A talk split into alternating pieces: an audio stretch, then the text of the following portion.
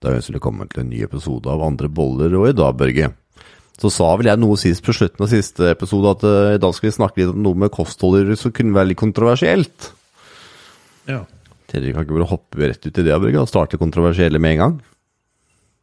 er ikke det like greit? Ja, like greit, da. Rett uti. Eh, da jeg i hvert fall har sett som er veldig kontroversielt, er jo Det første var jo at det har, jo siste tida vært veldig mye rundt eh, kjøtt og kreft og metta fett og LDL og hjerte-karsykdom. Eh, og det har jo siste tida kommet en del um, eh, hva skal man si, motstridende informasjon, eller litt mer sånn um, eh, Mot um, Ja, altså i hvert fall den her, da. Den er nylig akseptert. og Den består av forskere fra egentlig hele verden. En stor samling med forskere. Uh, og det var en, um, en workshop, 'Saturated Fat and Health', A Nutrient or Food Approach, som ble avholdt i Washington DC i februar 2020. Eh, og den her ble da funda av noe som heter Nutrition Coalition, en non-profit, non-partisan educational organization. Som rett og slett bare har sett på eksisterende evidens. Den heter Metta fett og helse. Eh, en revurdering av eksisterende forskning og en proposal, da. Hva er det på norsk? Pro proporsjon, eller Proposal ja, er forslag? Fram, ja, et forslag for matbaserte uh, anbefalinger. Og egentlig konklusjonen av det her, og også den kritikken som er kommet mot den eksisterende forskning på, uh, på kjøtt og sammenhengen med med liksom både kreft og hjerte-karsykdom, er jo at um, for det første at det er basert på veldig svakt evidensgrunnlag. Eh, veldig ofte så henter de Når du tar en systematisk analyse og går gjennom all forskning som er gjort, så er du nødt til å skille mellom er det såkalt randomiserte, kontrollerte studier, der ei gruppe får én type mat og en annen gruppe får en annen type mat, eller er det basert på spørreskjema, evaluering av folk over en tiårsperiode? og gjerne lenger. Eh, og, og, mange studier er jo nettopp basert på sånn befolkningsstudie, der de f.eks. har sett på 70 000 mennesker. Og så, de, så, bruker de en datamaskin som skal foreta en statistisk analyse av de innrapporter, innrapporterte matloggene fra folk. Hva er det noe alle som jobber med mennesker og, og, kosthold, vet, så er det at folk er forferdelig dårlige til å huske hva de har spist, og hvor mye de har spist. Eh, da er det ene sida av saken at uh, du begynner å samle inn data liksom, fra folk som skal si ok, hvor mye kjøtt spiste du forrige uke, hvor mange egg spiste du? Eh, til og med jeg kan sitte her og, og slite med å huske liksom, hva jeg spiste for to-tre dager siden. Eh, så, så liksom basere seg på hukommelse rundt det her er, er ganske svakt. Eh, og sjøl når du får folk som har kunnskap om det her, til å evaluere hvor mye de spiser, så er det mange som undervurderer eller overvurderer med opptil 50% Så Oi, så mye? Feilmargin, ja, opptil opp 50% feilmargin på, eh, på innrapporterte data, både i forhold til mengde kalorier og og det her går jo også på forbruk, da, hvor mye kalorier folk forbrenner. Folk over, underestimerer alt hele tida. Så med mindre noe er gjort under kontrollerte forhold, der ei gruppe får en ting som er nøye veid og målt, og de personene blir nøye veid og målt, så, så, er den dataen fryktelig usikker. Det er det ene. og Når du i tillegg begynner å finne sammenhenger i dataen, Ok, La oss nå si at ei gruppe har høyere forekomst av Eller at du, du ser på ok, hvem dør av hjerte-karsykdom, eller hvem har høyere forekomst av hjerte-karsykdom etter 10 år eller 20 år. Eh, og Så skal du begynne å finne ut av hvordan er det de menneskene her har spist, og er det noen enkeltfaktorer i det kostholdet som har gjort at de har mer hjerte-karsykdom enn de som ikke har hjerte-karsykdom. Eh, og da du ikke tar høyde for da, det er jo vanene til folk. Hvor innstilt er de på å ta vare på helsa si, og hvor mye gir de beng, da, for å si det på den måten. Eh, og, og, her er det jo fort gjort å tråkke litt i den eh, bokstavelig talt salaten. Og, og, og da, det finnes egen side på nettet, nå husker jeg ikke hva den heter, men det er sånne her merkelige korrelasjoner der eh, ja, eh, mordraten i en amerikansk stat eh, henger nøye sammen med uh, salget av iskrem, f.eks. Og da er sånn OK, er det eh, Når du spiser is, gjør det at du dreper folk? Nei, det som sannsynligvis skjer, er at når det er veldig høye temperaturer, så spiser folk mer is. Men folk blir også litt mer irritert og får kort lunte og kanskje litt mer aggressiv når det er høy temperatur. og ja, helt klart. ja. Så, så, det er fort gjort å liksom dra korrelasjoner som ikke stemmer. Det er sånn, du, du kommer til et hus som brenner, og så er det mye brannfolk. Så kan du tro at det er brannfolkene som har starta brannen. De, de, de, er jo alltid der når det brenner, liksom. Men ikke sant, akkurat det høres jo veldig dumt ut, men, men det her er jo den, den klassiske feilen som også gjøres. Så da de her forskerne har gjort, de har gått gjennom eh, og så har de vektlagt de studiene i forhold til hvor pålitelige de kan sies å være. Er det randomiserte, kontrollerte studier, så har de høye vekttall. og er det bare sånn befolkningsbaserte studier, så har de veldig lavt vekttall. Og Da forandra bildet seg totalt, og plutselig så var det ingen sammenheng mellom inntak av rødt kjøtt eller metta fett. Og, og, liksom, og, og, sykdom eller hjerte-karsykdom eller eh, kreft, for den saks skyld. Så den helt nye her som kommer nå, den er også utgitt av Journal of the American College of Cardiology. Så det her er en gjeng med hjertespesialister som satte seg ned og så har de gått gjennom de studiene som er gjort. Og, og f.eks. en som er veldig kjent, som heter Pure, eh, som, som, er ganske nylig òg. Der så de på 135 000 mennesker. Der var det lavere risiko for dødsfall uansett årsak, nøytral for hjerte-karsykdom, eh, når folk inntok mer fett. Mens de som spiste mer karbohydrater, og så økte karbohydratinntaket, men reduserte fettinntaket, de hadde høyere dødelighet og risiko for hjerte-karsykdom.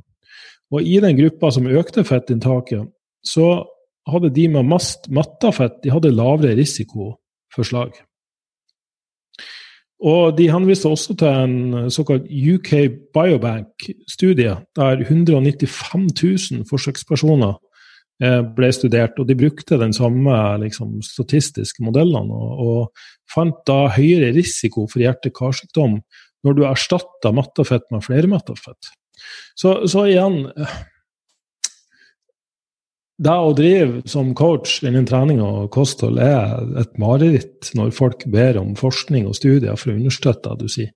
Eh, fordi den forskninga som, som, ofte blåses opp og, og gjøres til eh, fasiten da, for hva vi skal følge, hva vi som befolkning skal spise, den er ofte basert på veldig usikre data. Så, så kostholdsforskning er en av de mest usikre forskningsgrenene som eksisterer, nettopp fordi at de endringene som skjer i en kropp, skjer over såpass lang tid.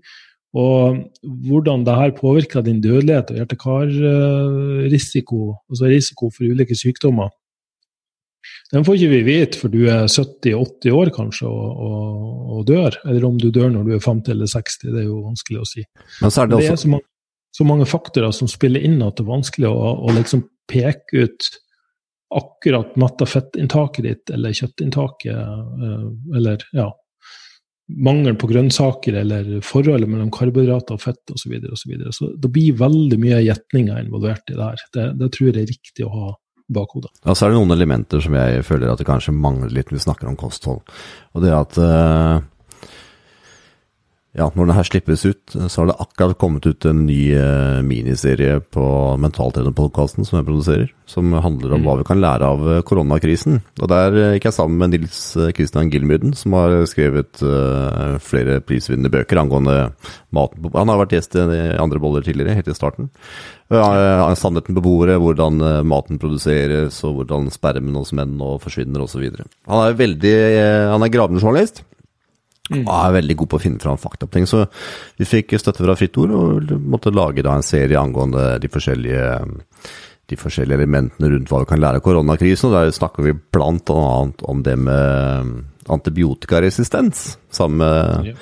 Eh, Eirik Martinussen, som har skrevet boken om resistente bakterier, og en overlege som jeg ikke husker, eller forsker som jeg ikke husker navnet på farta, dessverre. Det som i alle fall er poenget mitt, det er at eh, der forteller de hvor vanvittig store mengder antibiotika det blir brukt i fôr. Og man bruker da antibiotika i fôr for at man, kyllingen skal veie litt mer, eller biffen skal veie litt mer. Mm. Og det er jo ingen, som i hvert fall sånn som jeg hører, som snakker om kosthold som sier ja, men hva er faktisk konsekvensen av at du faktisk spiser uh, kjøtt som det er antibiotika i? Og så sier han uh, noe veldig interessant i den episoden der som jeg fikk uh, skremt nesten livskiten av meg, skal jeg helt ærlig. Og det var at hvis du spiser f.eks. en biff i utlandet, han brukte, tror han brukte Hellas som eksempel, så var det høyst sannsynlig med deg noen resistente bakterier på veien hjem. De resistente bakteriene de blir værende da i tarmen din. Og hvis du skulle være så uheldig at du kutter deg eller kommer i ulykke f.eks., så kan de resistente bakteriene da slå til, og du dauer. Enkelt og greit.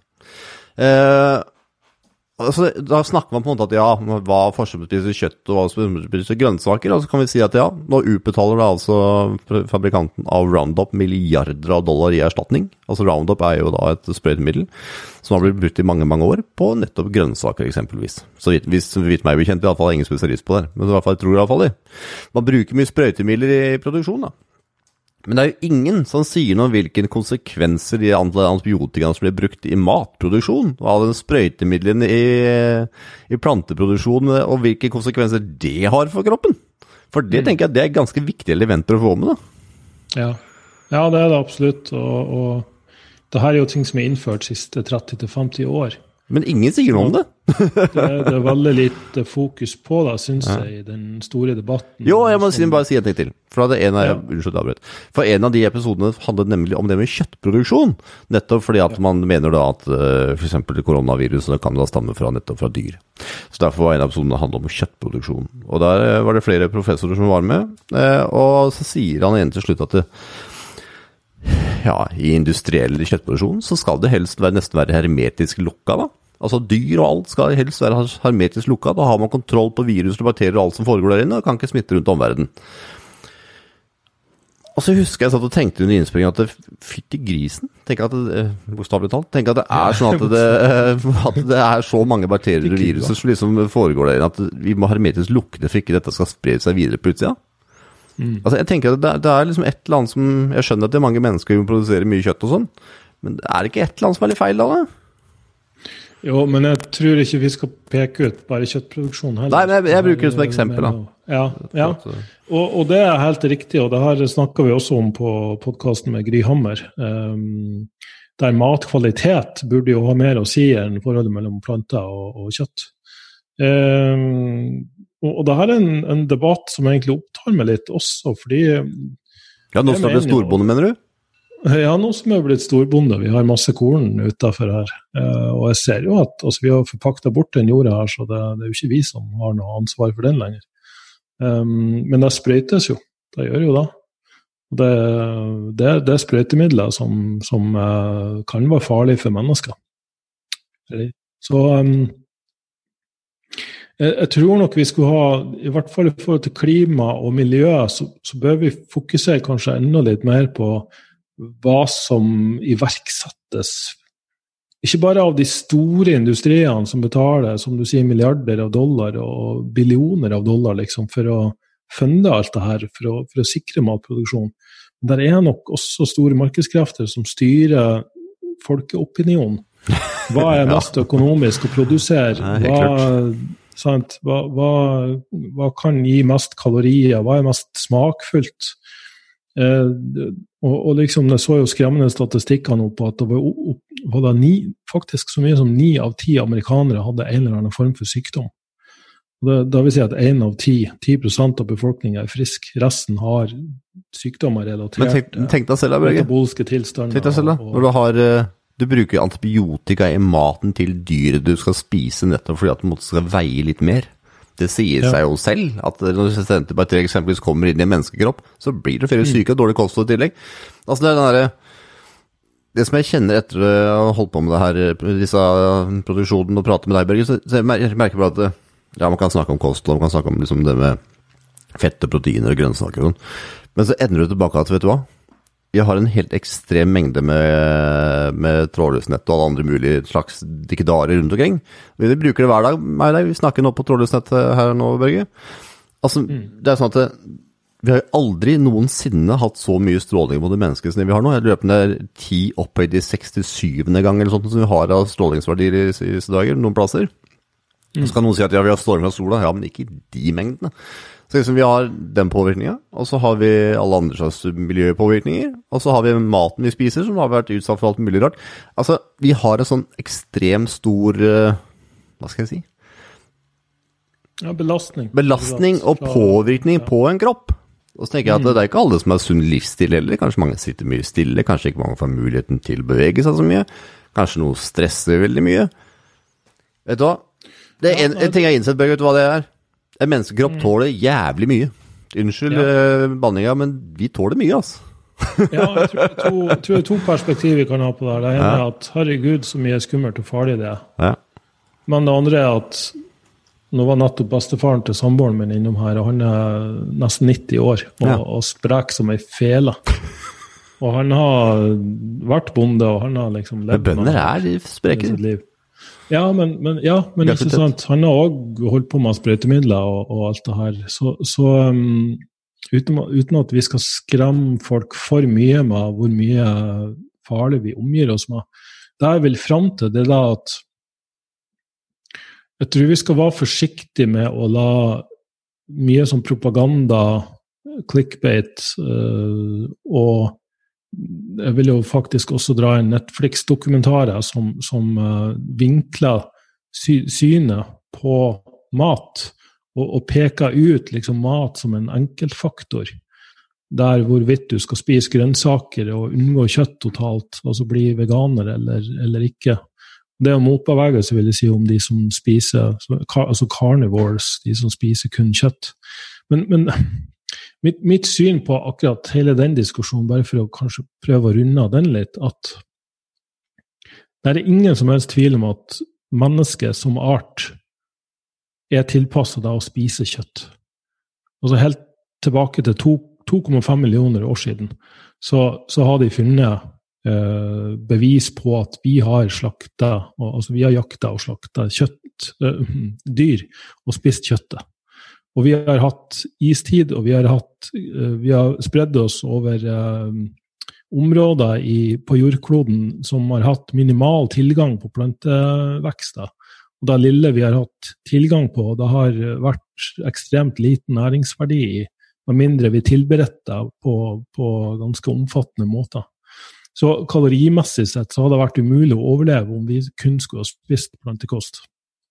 Så fra et sånt antropologisk, arkeologisk ståsted, og, og, ikke minst hvis du ser på de fysiologiske tilpasningene i, i forhold til fordøyelsessystemet vårt, så, så er alt jeg, jeg, gir blaffen i hva du måtte høre på Netflix, altså, eller av jeg vil kalle det vegansk propaganda. Menneskekroppen er tilpassa og opp, jeg vil si opptil 70% fra animalsk, fordi det er bare sånn menneskekroppen, uavhengig av hvor du kommer fra i verden, er, er biologisk tilpassa. Det, det, er ingen tvil, ingen som helst tvil. Men at vi i større og mindre grad også kan uh, ekstrahere eller nyttiggjøre oss næring som kommer fra planteverden, altså frukt og grønnsaker og bær og, og sånne ting, det er det vel ingen tvil om. Men at store mengder med vegetabilske oljer og kornprodukter har en naturlig plass i kostholdet vårt, det er jeg sterkt uenig i. Og det, det, bør nok minimeres i et normalt kosthold. Og det her synes, så, så, ja. Ja, så, så, akkurat den debatten der, og der går på liksom både biotilgjengelighet vi, vi, kan gjerne analysere oss i hjel på hva de ulike matvarene inneholder av eh, sånn mikros, mikronæring og makronæring, men hva en menneskekropp klarer å ta opp og nyttiggjøre seg av, det er noe som på kort sikt er veldig dumt å ta en avgjørelse på hvor bra du føler det. Fordi et næringsunderskudd kan også gjøre at du føler det veldig bra. Har du, har du, mangel på næring i kroppen, så vil kroppen begynne å pumpe ut stresshormoner som kortisol og endorfiner, som er der for å sikre at du skal komme deg ut og finne mat. Så både faste eh, og, og, og da å spise veldig lite mat, og jeg vil også påstå å spise store mengder fiber og plantekost som har mangel på ulike vitaminer og mineraler som du kun finner i animalsk kost. Det kan gjøre at du føler deg veldig bra, og, og de neste månedene kan du også fortsette å føle deg veldig bra. Nå kommer det flere og flere eks-veganere som går ut og sier at dette kostholdet har ødelagt helsa mi. Eh, så, så, jeg tror at det er heller unntakene som klarer å leve på et vegansk kosthold, eh, selv om de tar kosttilskudd, eh, enn det er av de som er vegetarianere og faktisk spiser litt av begge deler. da. Eh, det, er mitt sånt klare ståsted. Og jeg har liksom gått tråd, tråkka rundt grøten veldig lenge, den proverbiale grøten, og vært litt sånn redd for å si det høyt. fordi mm. Veganere er jo så fryktelig aggressive. Noen påstår at mangel på kjøtt. Sånn. Jeg spiser veldig mye kjøtt, og hvis noen kommer og sier at du skal ikke spise kjøtt, så er jeg sånn Jeg bare Ja, ja OK, greit. Og så blir jeg ikke sint. Jeg klarer ikke å bli sint på det. Folk må jo bare få lov å mene akkurat hva pokker de vil, og få lov å spise akkurat hva de vil. Men, men, jeg vet jo hva jeg mener. Jeg trenger ikke gå rundt og evangelisere det her eller å, å preke til, til, andre om det. Men, men det her er liksom da Jeg vil si det pålitelige forskninga og, og, evidensen viser. Så, så det som kommer nå, og, og, liksom si det motsatte, at nei, det er det er farlig å spise kjøtt. Vi skal ikke spise animalsk, for det gjør oss syke og gir oss kreft og sånn. Veldig ofte så finner du industrikrefter bak som ligger der og, og skal ha oss til å konsumere noe som eh, nummer én er mer profitabelt. Eh, nummer to har et verre klimaavtrykk enn eh, Eh, i hvert fall et biodynamisk jordbruk uh, fører til, der dyrene får gå fritt og ute og, og leve naturlig, og, og ikke over uh, ja, at, at menneskene blander seg altfor mye inn i driften av det her, sånn at det blir, at det blir kunstig stor og ja. Mm. Det som er utfordrende, tror jeg, Børge, og det er noe jeg har lært etter denne koronainnspillinga med diverse eksperter innenfor sine felt, og det er nå engang sånn at ekspertene vi har, det er de som legger føringen på hvordan vi har det i Norge. Jeg hadde bl.a. med Proben Preben Novisland, som er eh, overlege og er da eh, med i Folkehelseinstituttet. Sikkert hørt om han mens koronakrisen stoppa. Han var en av gjestene jeg hadde med. og kan, han kan godt hende han har en veldig annen oppfatning av meg enn ting, og kanskje han vet mer enn det jeg vet, osv. Men det er nå engang sånn at det er disse menneskene som er eksperter, som legger føringer hvor av meg deg skal ha dem, Børge. Det er det sånn, det er sånn demokrati fungerer.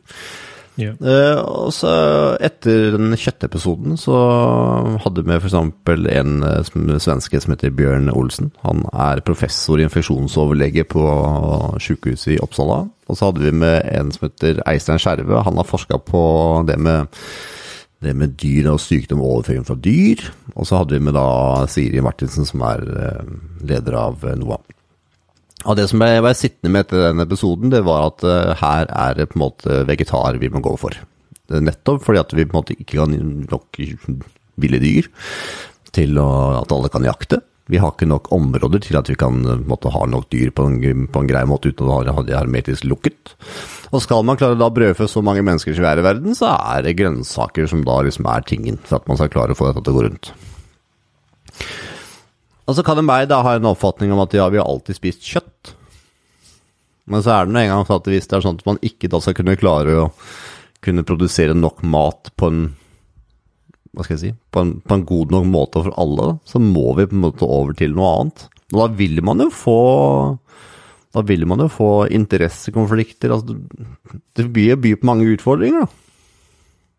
Ja, men samtidig tenker jeg sånn at hvor, hvor stor kornåker må til for å Jeg sitter og ser rett ut på en kornåker her nå. Ja, så, så hvor mye av det her må til, hvor, hvor stor del av det her må høstes uh, for å gi nok mel til at du Men mye av korn brukes også dyrefôr, er det ikke det? Ja, det gjør det vel også. Men, uh, men igjen, hvis vi nå fokuserer på menneskeføde, da. Kalori, av kalorihensyn og næringshensyn, hvor, hvor, my, hvor stor matmengde må til eh, av den kornåkeren her for å, for å brødfø en familie i uka? Eh, der f.eks. låret på ei ku kanskje hadde vært nok. Eh, men samtidig skal jo den kua vokse så stor, og, og det her blir jo matematikk som er veldig vanskelig å, å, å sortere. Det gis argumenter fra begge sidene. Mm. Um, Men Norge har jo bare 3 jeg, matjord, vet du. Ja, eh, og da er det argumentet jeg skulle fram til, at hvis at eh, Fordi det, det er store, i hvert fall i Norge spesielt, så er det store områder som ikke kan brukes til å dyrke plantevekster. Der, og, og, der kan dyr gå og beite og, og, sanke næring, som de jo da konsentrerer og gjør at når de blir menneskeføde etter hvert, så, så, får vi i oss uh, så, altså min, Mitt ståsted på det her er at vi er avhengig av animalsk mat på en eller annen måte, enten det er land eller hav. Eh, vi har spist det gjennom flere millioner år, sånn at vi er biologisk tilpassa det. Den overbefolkninga er jo i seg sjøl et stort problem, og hvordan vi da skal brødfø den brødfø bokstavelig talt den, den, store mengden av mennesker, helt enig i det, da må vi inn med, med plantekost også. Og det må sannsynligvis manipuleres på en sånn måte at det gir mer energi enn plantekost vanligvis gjør. Både hva den gir av energi i seg sjøl, men også hva kroppen klarer å ta opp. For det er da kroppen klarer å ta opp, som fort blir et problem. Hvor mange går ikke rundt og har IBS og mageproblemer? Nettopp fordi de og, og, da ikke klarer å ta opp all den næringa de, de, skal ta opp. Men tror du ikke det er litt av årsaken til at vi nå hører så veldig mye om f.eks. det med plantekost? og det, med, At vi får så veldig mange finansierte studier? Det, det, er jo nettopp fordi at man også har et utfordring som et uh, globalt samfunn. Og Hvordan skal vi alle sammen spise? Ja. Altså det har en innvirkning, det òg. Folk, må, ja, folk må påvirkes til å spise mer av det som er holdt på å si, tilgjengelig. Jeg tenker jo som så at hadde all denne dyrkamarka blitt brukt til dyrefôr, og, og det her har blitt drevet på en mer etisk og bærekraftig måte, så hadde det her vært uh, mye bedre for menneskeheten. Og da at vi må ha husdyr, er det jo ingen tvil om, fordi Altså, vi har jo drevet bort dyr fra sine naturlige habitat uh, rundt omkring i verden. Så det er jo masse dyrearter som er utrydda, som kanskje tidligere kunne utgjort uh, menneskeføde. da. Så, så, vi har på en måte vi har mala oss inn i et lite hjørne her. Så, så veien framover nå bør nok gjøres jeg mener ikke at den vil baseres på et plantebasert kosthold, som er manipulert og, og kanskje syntetisk framstilt i ulike uh, varianter. Uh, jeg mener at det skal være animalsk, men vi må begynne å ta mye større hensyn til dyrevelferd og behandle dyrene bedre. For at, skal, for at vi skal unngå å måtte bruke antibiotika og og, og bli utsatt for virus og bakterier som, som sprer seg i, i, hos syke dyr.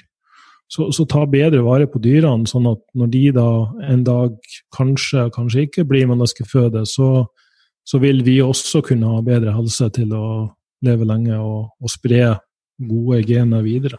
Om jeg husker riktig nå, Børge, så ble vel matpyramiden nettopp til fordi at det var det som var tilgjengelig av mat til svenske innbyggere. Jeg husker det var det som var bakgrunnen for matpyramiden. Uh, husker jeg riktig, det her kan du veldig mye mer med meg, men er ikke det som var bakgrunnen for at vi har matpyramiden? Dette var svenskene hadde tilgjengelig for sine innbyggere, og så kopierte vi samme modellen, er det ikke sånn? Jo, men den har jo blitt forandra på i senere år, basert på den forskninga som er gjort. og det er jo... Ja. Men det var det som var hoved... Vi om den episoden. Var det ja, som var hovedårsaken? var det da. Ja. Var, var tilgjengelig, ikke nødvendigvis var det sunt for oss. Nei, helt det var det som var hele poenget mitt. mm, ja. uh, og det var vel uh, det er vel liksom det vi er litt tilbake igjen til, da. At vi blir kanskje litt påvirket av hva vi skal spise nettopp for hva som er tilgjengelig å spise. Ja. Hva er billig å produsere, og hva genererer nok inntekt til at den industrien kan uh, fortsette å eksistere. Nå sa du en ting, om billigprodusere, og meg og deg har jo begge kjøpt gris fra samme plass i sommer, om jeg husker riktig, Børge. Det, det var jo fra nylig gård i Fyresdal. Kan absolutt anbefale. Eh, og jeg pratet litt med han eh, som driver den, for han driver jo den da på deltid, for det er nemlig ikke nok økonomi til å drive med frittgående gris oppe i Fyresdal, til at man kan leve av, så han eh, har jo da en jobb i tillegg. Og så sa han eh, det at eh, når hans far drev med gris tidligere, så fikk han 19 kroner kiloen for, for griskjøttet. Mm. Og det var jo en del år siden, da. Og nå fikk han 21 kroner kiloen. Ja. Og da sier det seg selv at eh, 21 kroner kiloen for grisen, da, og det koster jo penger å skal ha brødfø denne grisen, og du skal ha plassen, det er mye- koster mye penger der. Mm. Så, så sier det seg litt selv at vi forbrukere vi skal måte ha alt mest mulig billig òg, da. Og nå betalte vi mer, mye mer enn 20 kroner kiloen, eh, Børge. ja, det gjør vi. Har du 144 kroner kiloen eller noe sånt? Ja, det Men, men det er måte det som skal til for at han skal måtte, kunne klare å leve av det på deltid. Altså det har litt med vi forbrukere å gjøre òg, da. Vi måtte, har vi lyst til at det skal ha god dyrevelferd, at det skal være frittgående, og det skal spise fra naturen. Og så koster det mer òg. Så vi må være flinke til å bidra til disse småaktørene òg hvis vi har mulighet. Har man ikke råd, så har man ikke Ja, råd, selv- ja, den lokale Reko-ringen, som det heter på Facebook, der du kan kjøpe mat fra lokale produsenter, støtte liksom den, de lokale bedriftene her som prøver å, prøver å skape eh, en bedre hverdag for både seg sjøl og oss. Og det jeg har gjort nå i hele sommer, i hele grillsesongen, eh, Børge, så er det en Ja. eh, lokal slakter. Og der har jeg vært og kjøpt pølser flere ganger i uka for å grille. Eh, og da kan jeg iallfall bidra med det, i alle fall. For jeg har økologisk kjøtt i pølser, og det er godt i tillegg. Og Ja. det koster litt mer, men før i gamle dager så var det sånn at vi brukte noe veldig mye av pengene våre til mat. Og, mens nå så er det kanskje at vi bruker helst mer penger på klær enn vi kanskje bruker på mat noen ganger. Noen av oss da, i alle fall. Og det går an å tenke Ja, litt på vi- det òg. Vi må bidra med at vi får bedre mat hvis vi har bedre mat. Og vi har jo òg En periode spiste vi jo veldig mye karbohydrater. og sant, Frukt og bær og ris og, og forskjellig Altså havregryn. Sånn typisk, vil jeg si. Um, så har vi et uh, rimelig greit proteininntak, og så prøvde vi å holde fettinntaket helt normalt. Uh, og de siste månedene så har vi endra litt på det. Vi spiser uh, mye mindre karbohydrater. Ja. Um, Åssen klarer du å få toåringen til å unngå og- is, da, Børgen? Åssen det er så varmt? Jeg syns jeg hører masing her hjemme om isen, og får helt mye hjemmelaga is, da. Men uh, syns jeg hører masing av isen. Er det ikke sånn sånn det toåringen dår i huset, eller? Har aldri fått ja, is? Da går an, da går det an å lage sin egen saftis. også. Ja. Er det det du har gjort, eller? Eh, nei, vi har ikke gjort det. Vi har kjøpt is, men vi spiser ikke hver dag. Nei, nei da, det er greit. da. Men, men uansett, det er så fram til da eh, Hva sier du? Ja, du får mas som is, du òg. Ja. ja. Ja. Eh, men uansett, jeg skulle fram til, at vi spiser ikke massive mengder kjøtt heller. Nei. Altså, vi, vi har redusert på det, men vi spiser mer fett. Ja. Sånn at energimengden er den samme. Vi får i oss like mye kalorier. Men Du matbudsjettet spist avokado og sånn, eller? Ja, vi spiser en avokado, men alt som er importert, er jo fryktelig dyrt. Mm. Så det er kun en gang iblant. Avokado og nøtter og sånn. Ja, har storbonden Bør- Børge gått litt ned på matbudsjettet? Det høres ut som? Vi har redusert matbudsjettet ganske betraktelig. Vi har Ja. endret på kostholdet og føler oss mye bedre på det. Ja, Fortell sånn Så- avslutningsvis, Børge. Hva er det du putter inn i nebbet da? Nei, da, Jeg spurte jo de nylig i går der om å få ekstra med både lever og, Mm. og spekk og sånn. og da er jo, Jeg fikk jo ett kilo spekk gratis, Oi, eksempel. så bra. Og da, ja. Eh, og da er jo Altså ett kilo er jo 1000 gram fett. Mm. Så, så det, det, det er billige kalorier, for å si det på Hva bruker du det til da? Nei, vi steker da, og så steker jeg på panna, og så har vi litt ekstra bacon i lammet, og så har vi noe kjøtt, og så har vi noe krydder og forskjellig, og så kan man jo selvfølgelig hive oppi litt bladgrønnsaker og, og litt, litt gulrot og litt sånne ting. Men det er sånn Forholdet mellom karbohydrater, protein og fett har endra seg ganske mye. Jeg har redusert proteininntaket dramatisk. Jeg spiser Tidligere var jeg kanskje på 200 og 250 gram protein. og brukte jo da mye proteinpulver for å komme dit. Eh, Nå er jeg kanskje nede på 100 gram protein, sånn at den totale mengden mat er mye lavere. Men fettinntaket har dobla og tredobla seg. Og gått ned 7-8 kilo i vekt, Har du det? til tross for et tre- tredobla fettinntak. Ja. Øvd med mye klarere i toppen, og ja, de er sånn i tråd med den Hekseberg-episoden vi hadde, så fikk vi òg testa for matintoleranser, og har da redusert på, på ting som vi har slått ut på. Så da har jo noe. Hva er det du uh, slo ut på da, Børge? Du har slått ut på honning, melk og det meste av Honning? produkter. Ja. Nei da. Men, men, utenom melk og gluten, så er det meste av da. man, man slår ut. Det er ikke så mye igjen. Ja, men da, for mange, ja, for mange norsk kosthold, da. Mange spiser ost, Ja. og mange drikker melk, og det er jo masse melk altså, Utrolig mange produkter vi spiser hver eneste dag som melk i seg. da. Ja, men det de sier er jo at Og det kan like gjerne være at fordi de har eh, spist melk og melkeprodukter, altså drukket melk og brukt melkeprodukter hele mitt liv, eh, 46 år, og at jeg på såpass, over såpass lang tid kan ha gitt en lekkasje i tarmcelleveggen, og at ved å fjerne de matkomponentene her, så får tarmcelleveggen reparere seg sjøl, og dermed så forsvinner en immunreaksjon også. Åssen er den testen Sånn her fungerer, Børge? Høres ut som vi gjør det her, jeg òg. Det? Er en blodprøve. Det er en blodprøve. Lab 1 i Sandvika som tilbyr den. Og det er kun den UMA, utvida matoverførsomhetstest, som er ansett for å være mest nøyaktig, som er mest komplett. Da, for da får du se om du slår ut på eh, proteiner, altså en IGA-reaksjon, eller om det kun er en IGG-reaksjon, og det er forskjell på de. Jeg skal ikke gå veldig i dybden på det. Og så får du samtidig noe som heter sonulin, en markør for eh, membranpermeabilitet. Dvs. Si om du har eh, lekkasje i de cellene, da. ikke bare i tarmen, men også andre Ja. steder. Åssen det hos deg, da? Den var rimelig høy. Ok. Ja. Så det, det hadde en pågående reaksjon i kroppen. Så Ja. ved å helt kutte ut alt av melkeprodukter og gluten, så har ting roa seg ned veldig, og jeg har som sagt gått ned veldig mye i vekt. Ja. Lagt om kostholdet. Jeg ser du, blitt, eh, du er jo i god form, av deg? Ja, det begynner å komme seg. Og det er ikke sånn at jeg føler at det er restriksjon. Sånn at jeg føler ikke går på diett for å gå ned i vekt, sånn som jeg alltid har gjort tidligere. Telt kalorier og sånn. Jeg passer på å spise nok hele tida, men det er akkurat som forbrenning og hormoner og sånn har forandra seg, seg helt.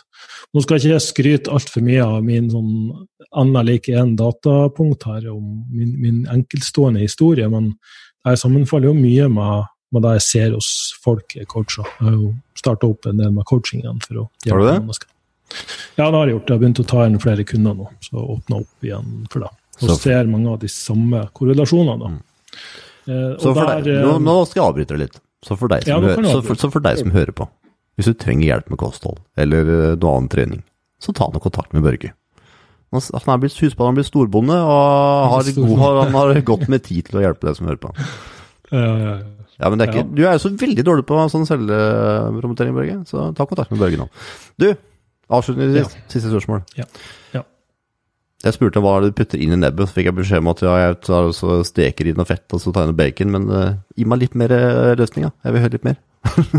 Nå er jo den sommerkassen eh, Den brukes jo ganske heftig. Det er jo pølser og, og nakkekoteletter og svinekoteletter. Og selvfølgelig bruker da en del av det spette, spekket, tilsetter det for å få opp fettinntaket. Eh, ja, men ellers storfekjøtt eh, går det en del i, men som sagt, totale kjøttmengden er jo lavere nå enn det den har vært tidligere, nettopp fordi jeg spiser mer fett. Ellers så er det jo det som er i sesong, egentlig. Så det er jo kommet norske jordbær nå. Nydelig. Eh, Har noe sånt på gården, Børge? Nei, vi har ikke jordbær her, men vi har jordbær ganske rett i nærheten. Har du grønnsaker sånn, eller? Eh, vi har ikke grønnsaker, men igjen, det Vestfold er, har jo masse tilgang på sånne ting. Så, så mest mulig kortreist. Og medlemmer medlem av Reko-ringen eh, Tønsberg, Horten og Holmestrand, og dermed så er det utlevering eh, annenhver uke, så kan man dra og hente lokalproduserte eh, grønnsaker. Har dere fortsatt den eh, greens-tilskuddet på lageret, Børge? For jeg tenker at det er eh, My Greens, har ikke det Eh, ja, Vital Nutrients kalles den. Hva da? Vital Nutrients. Var det det var. Ja. Uh, det er vel noe man kan ta når man ikke er i sesong? Det kan du absolutt. Det er jo uh, ekstrakt av grønnsaker. Så for deg som hører på, og det er midtvinters eksempelvis, du ikke har tilgang på det, så sjekk den ut. Ønsker du å spørre Børge om eh, tematikker eller gjester, send til podcast at myrevolution.no. Trenger du coaching, tar du kontakt med Børge på Børge, eller Borge at myrevolution.no. Så inntil neste gang, kjære lytter, Vi ønsker deg tu Vi ønsker deg Nei, tusen, tusen takk for at du hører på! Ja. Og til neste gang, ha en veldig fin dag. Ha det bra! Ha det bra.